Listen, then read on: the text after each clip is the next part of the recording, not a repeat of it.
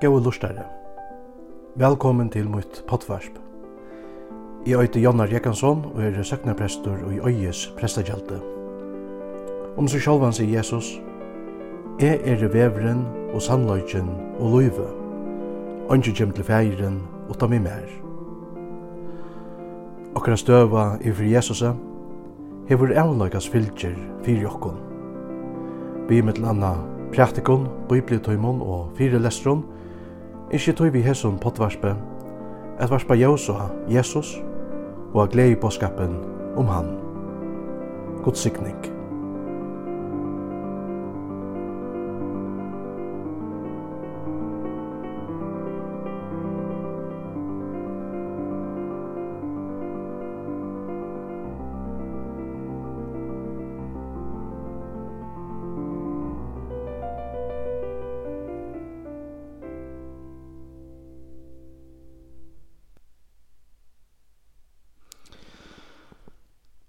Og i 1994 skriva jeg Arthur Allen Leff, professor i Yale, og en grøyn er han leie dent av fylkjenær som det hever sær, ta vit er og ta øynasta som vi det heva, da det snur seg om moral. Leff gjør øyna ærliga løsning av etikk og rettvise, og i øynare ver åttan god. Som godløsninger vil han halda fast vi tvinnar loter. For det fyrsta, At mennesker kunne komme fram av allmennar regler for løyva, og for det neste, at mennesker er fullkomlige frals.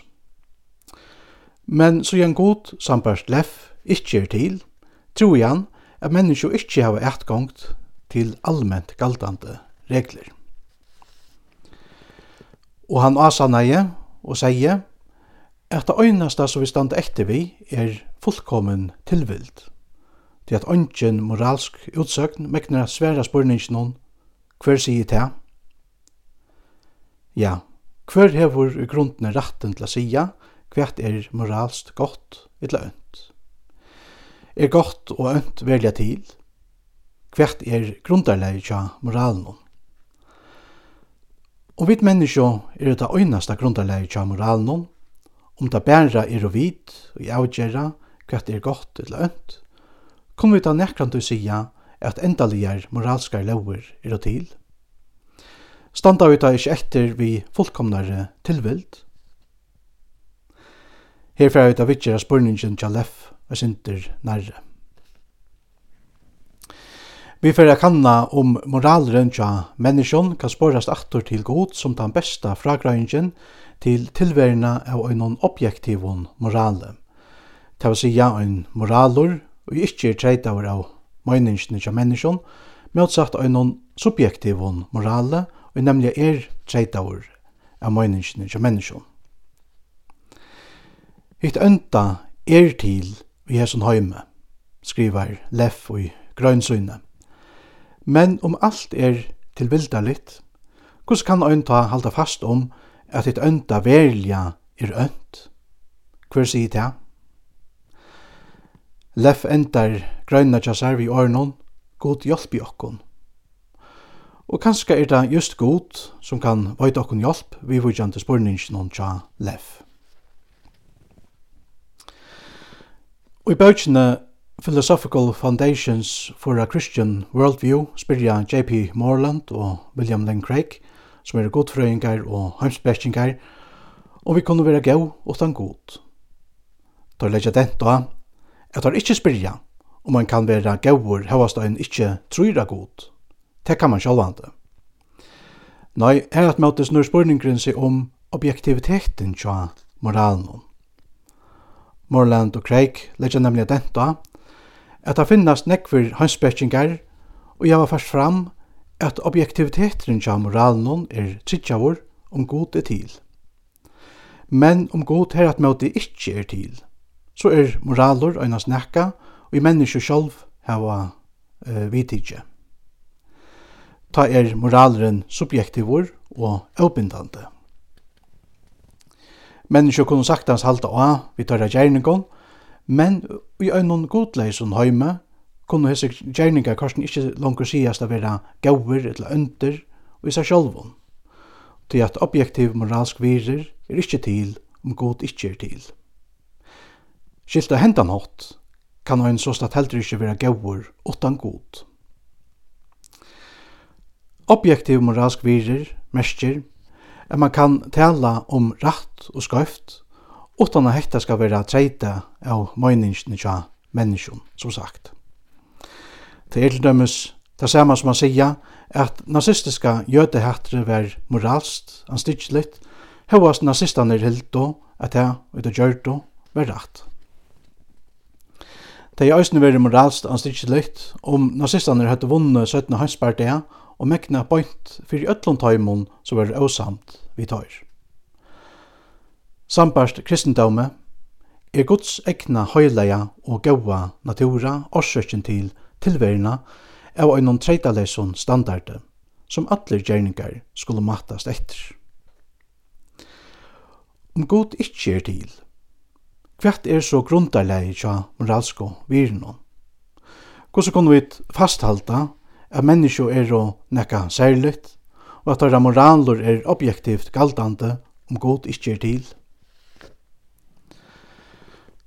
Om moraler bæra er et slag av flokkmorale, som menneskje hefur utvikla oppi jøkken tøyina og gjennom godleisen høyme, hva er det så som gjør just hentan flokkmoralen bindande for jokkon? verur moraleren ikkje rådlesur, om man ikkje er rådfestur og i gode. Ein og hver årsøk til å sutja just okkara flokkmoral som ein objektivan og sannan moral tykist av vera borsturbøynd om god ikkje er til. Og menneska bæra er at urslit av ein tilvildarlegare utvikling i ein godleison og tankaleison allheime. Om god ikkje er til – så har vi døysni en gaua orsøk til at hugsa at objektiv moralsk virer og moralska skilter grunden i heldur ikkje er til. Men, om objektiv moralsk virer og moralska skilter her måte er til, så har vi døysni en gaua orsøk til at hugsa at god er til. Hesson janti er moralska prógrunden tja William Lane Craig, òsne áhugaverd.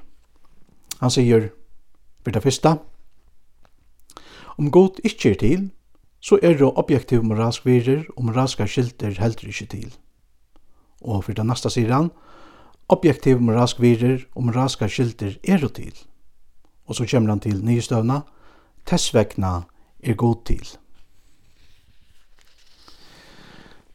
Her er talan om en såkallaya deduktiva pravgrund, og i verur åra såleis at nye støvan fylgjer nei tørvelia, om forstreitnar er hos sannar.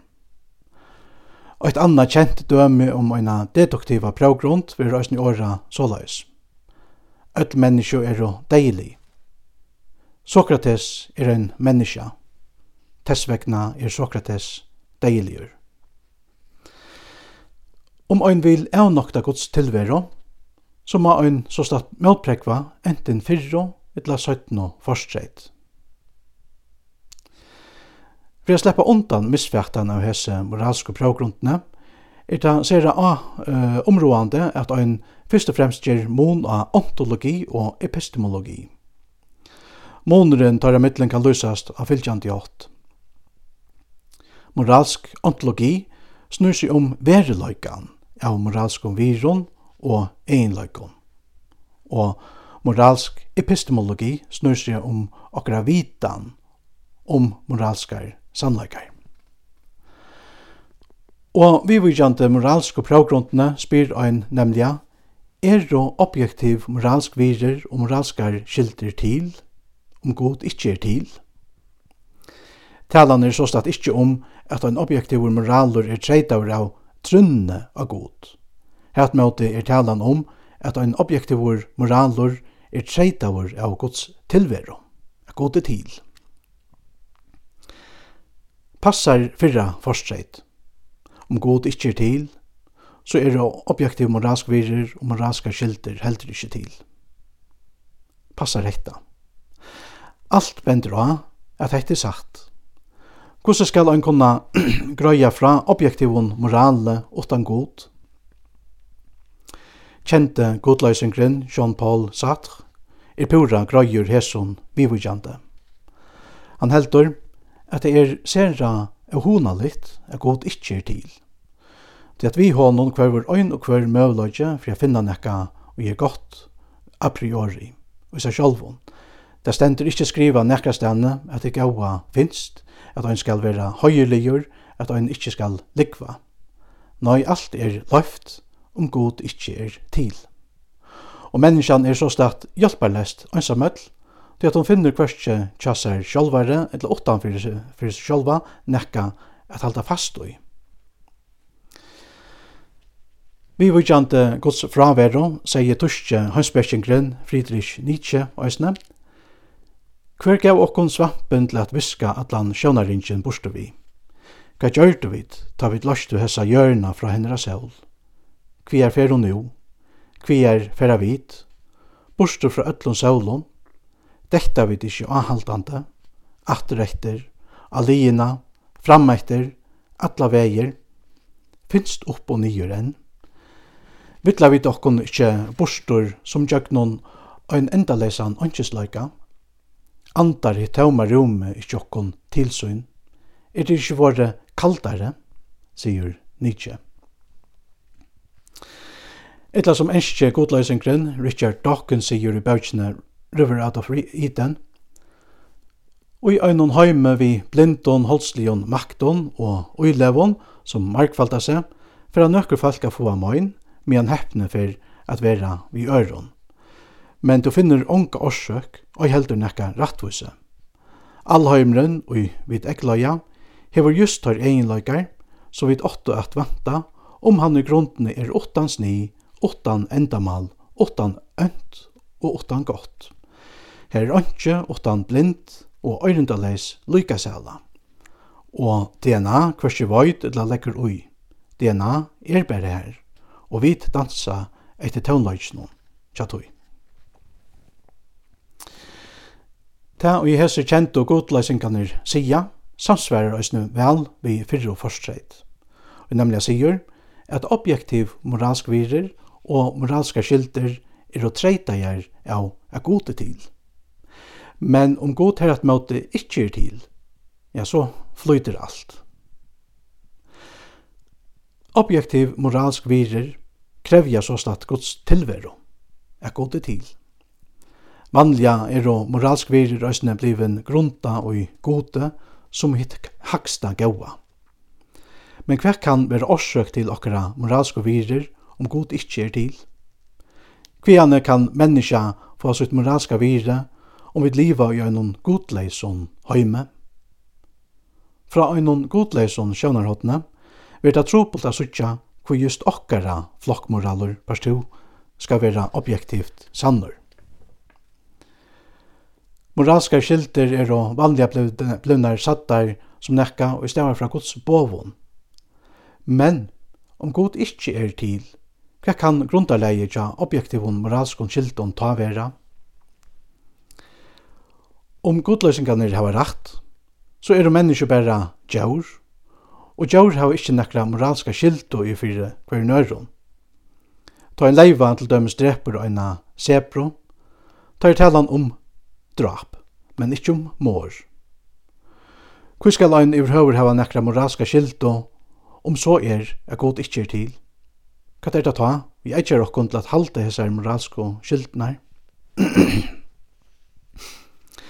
Sambarst einum gudleysum sjånar mye, vil det sere trobult a sutja hetta som nekka anna enn øyna subjektiva fæktan og stavar fra samfellanon og foreldrenon. Nyestøvan må være at om ønsken moralskur lovgjev er til, så er det heller ikkje nøkker objektiv moralsk lov til og vi vet øya at halta. Etla som Nietzsche sier, to hever tøyn ved Jeg har min, min vei, men hin rette veveren og hin øynaste veveren er ikkje til. Vi vidjande fyrre forstreit kunne vi såsta sia, om god ikkje er til, så er det objektiv moralsk virer og moralska skilter heldur ikkje til. Og så feit vujere til 17 forstreit. Er objektivur moralor til? Flest folk er samt hesson vivíkjande.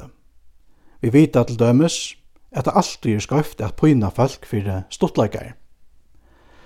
Men kan ein stærfesta tilverina av einun objektivun morale.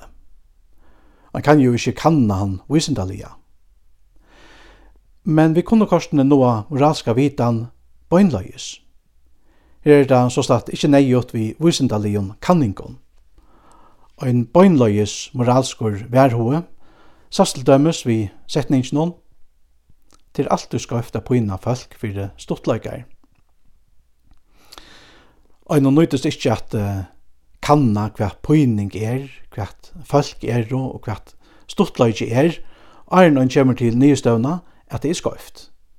Det er jo selvsagt at det er morast anstidsligt at påina folk fyrir stortløygar. Lykka som vi okkara sanson, er det òsne et ekkjenne til okkon menneskjon, at vi tava ein avvisan moralskan verhoa. Og lykka som det er kinsamt av okkon at lyta av okkara sanser, så ser det av samme hatt òsne kinsamt av okkon at lyta av okkara moralska verhoa, som nemlig stolar 17 og forstreit, objektiv moralsk virer og moralska skilder er og til. Sidan fyrra og søytna forstreit og i moralske prøvgrunnene passa, fylgjer nyestøvan så statt nei torvelia. Tessvekna er god til. Hentan deduktiva prøvgrunden er vidlagt leggja denta, at tilveran av einon objektivon morale best kan løysast i einon teistiskon allheime, det vil si i einon heime her det er en god til. Hetta samsvarar eisini við Bibelnar boðskap om er Gud hevur skriva sinna lov og gjørstene tja okkum menneskjum. Og i Røyrebraun 2, 14 og 15 lesa vit. Det ta i høytningane som ikkje hava lov, er naturinne gjerra ta som loven bojur, ta er det tøyr til at tøyr ikkje hava lov, ser sjálvun lov. Ta sjøyna at versk lovarinnar er skriva og gjørstun tøyra. Vi tar at samviska tøyra ber sin vittnesbord og hoksaner søgna mittlen avsaka eller øysene avsaka hver æra. Sier Paulus og i Røvarebraunen. Öll menneskje er å skapt og i godsmynd, og tog du at hei østene av Kina av gavun og ytlun. God til nemlig skriva sinna lov av gjørstotorra.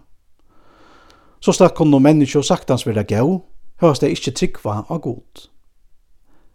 Men kunne de grøya fra tilværende av til gaua og ønda utan god. Nei, det kunne de ikke. Endaligar morallauer kunne jo ikke være til og gjøre noen godleison allheime. Men så igjen endaligar morallauer er og til, så er god øysene til. Kvoi? Tog at det er bare ein avbrøytligur moralskur myndløytja, og kan standa fyrir einare avbrøytligare moralskare lov, nemlig sjálfur god. Ein atvendandi atvinning motvegis fyrir og forstreit og i moralsku prøvgrundene er hinn såkallega utifrå tvistøvan. Hentan tvistøvan er sin opprona og gjør noen av tvirøvnum tja Sokrates som Plato skriva i. Og her verður spørst, er nekka gott, til at god vil, vil det, eller vil god nekka, til at det er gott. Om ein fyrir det fyrsta sier at nekka er gott, til at god vil det, så vil det gåa til vildarligt. Da jeg en til dømes haft en moralska skyldo til at hætta ånder menneskje om god sier at det var godt at hætta. Og om ein fyrir det nasta sier at god vil nekka, til at det er gott, ta hei hei et gaua grunden ikkje vire bundi at gode. Men det finst ein tredje møvløyge. Nemlig er god vil nekka til at han er gaur. Det vil sija er gods egna natura er gøskunar standardur. Og så inn i etfinning av prøvgrundene tja William Lane Craig spyr hansbyrkingren Wes Morriston – om moralur verliga tørvar og et grundalega utanfyr seg sjálvan, og understrykare sigur, Kvui er kærløyge og rattvise og gavemilde og bluskapur og troskapur gott? Hva finst i verløkans støype som gjer hesar egenløkar gauar?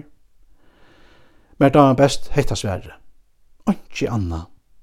Om du vilt, så kan du sia at hei er du sjolve gøskunar standardur.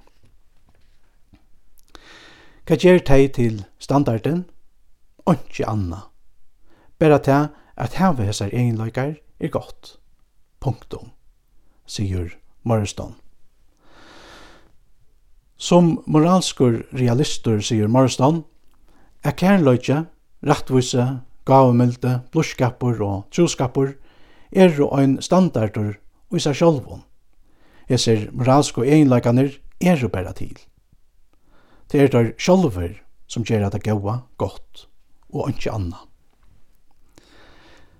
Kristni hansbyrkingren Peter S. Williams understrykar at menneskje tidsjast er skoa seg sjolve ut fra ein moralskon ideale. Men han sier at det er tropult å fækta hetta ideale som ein opersonlian og abstraktan verleika. Morland og Craig understryker øysene at moralsk virer tidsast å være til som en menneskeligjør egenløyke.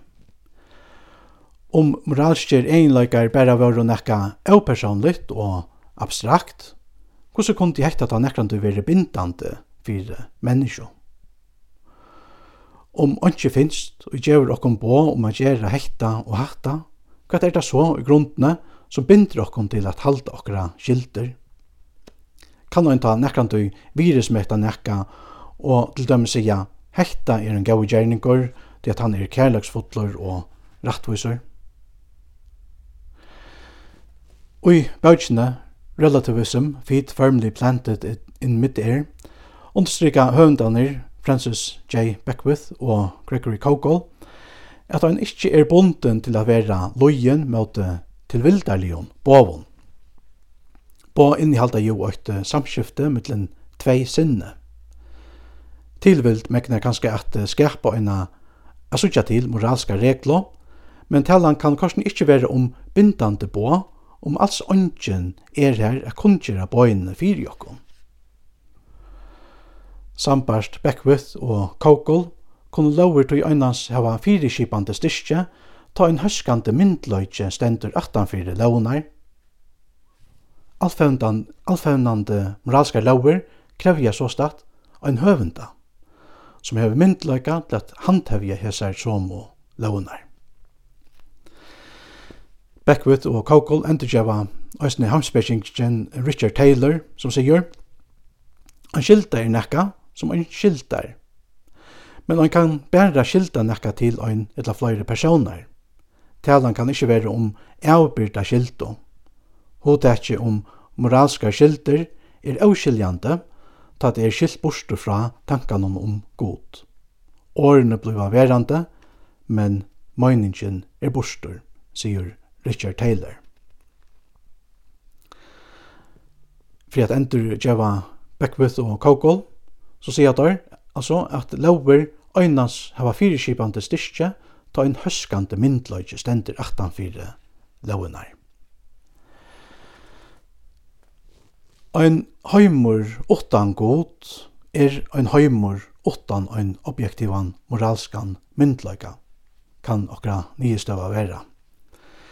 Hetta ger alt prat om moral til vildarligt. Men tilveran av ein objektivon morale tidskorsen a pøyka og ein godomlian laudjeva som er grundarleie tja moralen, som hevur myndleika til at handhevja synar egnu lauer som evigt galtande lover, og som her vi òsne mekner a sværa spurningen om Tjalev. Hver sier det?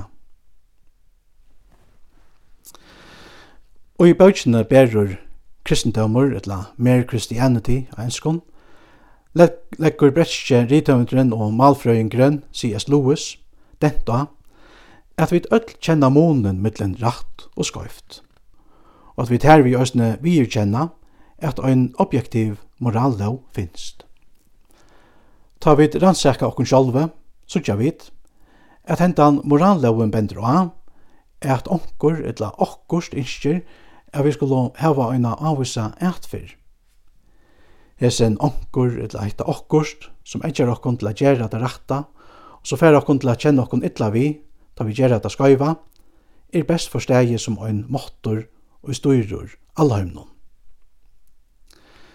Lewis byrjar vi a leggja denta er folk som sjeldast. Ofta koma vi utsøkt noen så som hva er det du sagt om onker hei gjørst det samme vi møtet her. Hatt er min sessor, jeg var fyrstur her. Gjev meg et pekti av appelsinene kja der.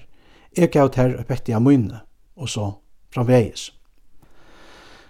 Lewis sier at folk peika av en avvisan standard fyrir etfer, tatt ei uttala seg og henda nått. Sverre tja hinn personen pojkar oss ja, ta samme standarden, til han byrjar at ombera sina ætfer.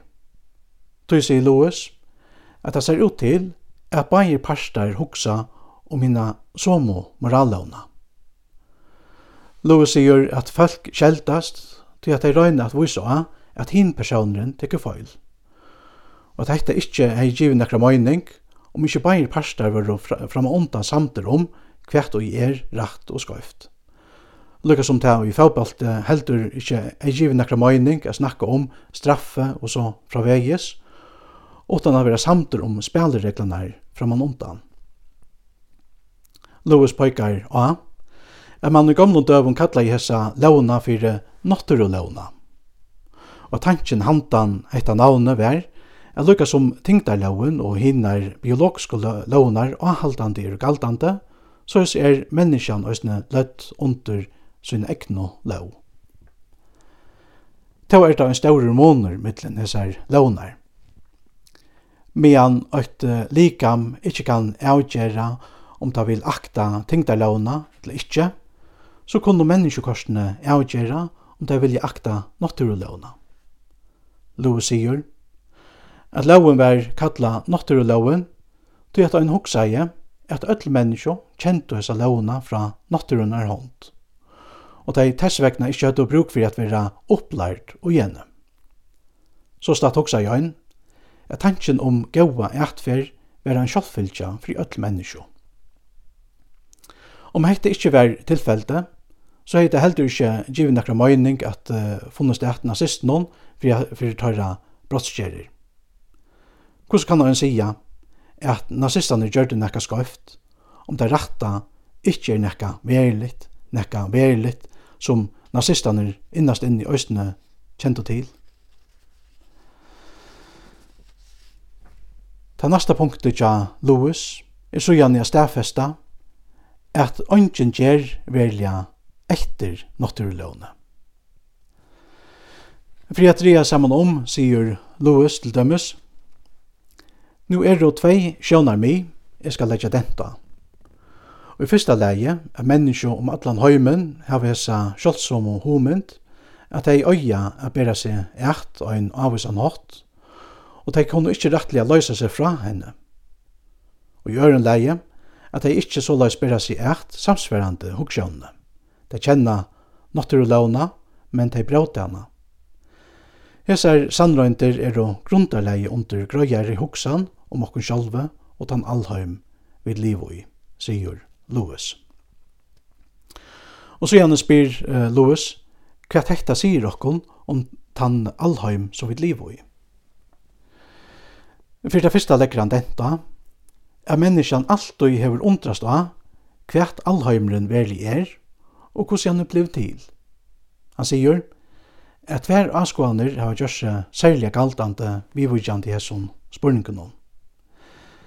En fyrsta er hinn materialistiska avskåanen, her ein hoksar at materia og rom alltid hava veri til, og at allheimren er et urslit av tilvild. Hinn søttna avskåanen er atronali. Her man sigur at ein hoksande vera finst handan allheimen som er tilvitan og endamal, og som tekur okkurs fram om okkurs anna. Og av hesum grundarleie skapaði hentan veran, bægi allheimen og hoksande skapningar og i søgne lykhøyt. Jeg tror at vísindi einans tekst vi til, som kan eklajast, så kan hon hverstje sanna eller avsanna til, som er handan alt. Lewis sier, at løfsens større spurningar vilja anhaldande være her, Sjalt om vísindi gjørdist fullkomin, så er at hon visste alt om allheimen. Hva etta hei ein ahaldande spurt, kvi er ein allheimur, og hefur han nekra møyning allheimren. Støvan hei veri pura vannleis, høytu hessar sannrøyndir ikkje vere. Og så sier Lois, Ein lotur er, og bæra ein, og i ötlun allheime, så vidt vita møyre om, enn vi kunne læra vi egløying, utanfra. Hesen øyne lotren er sjálv menneskjan.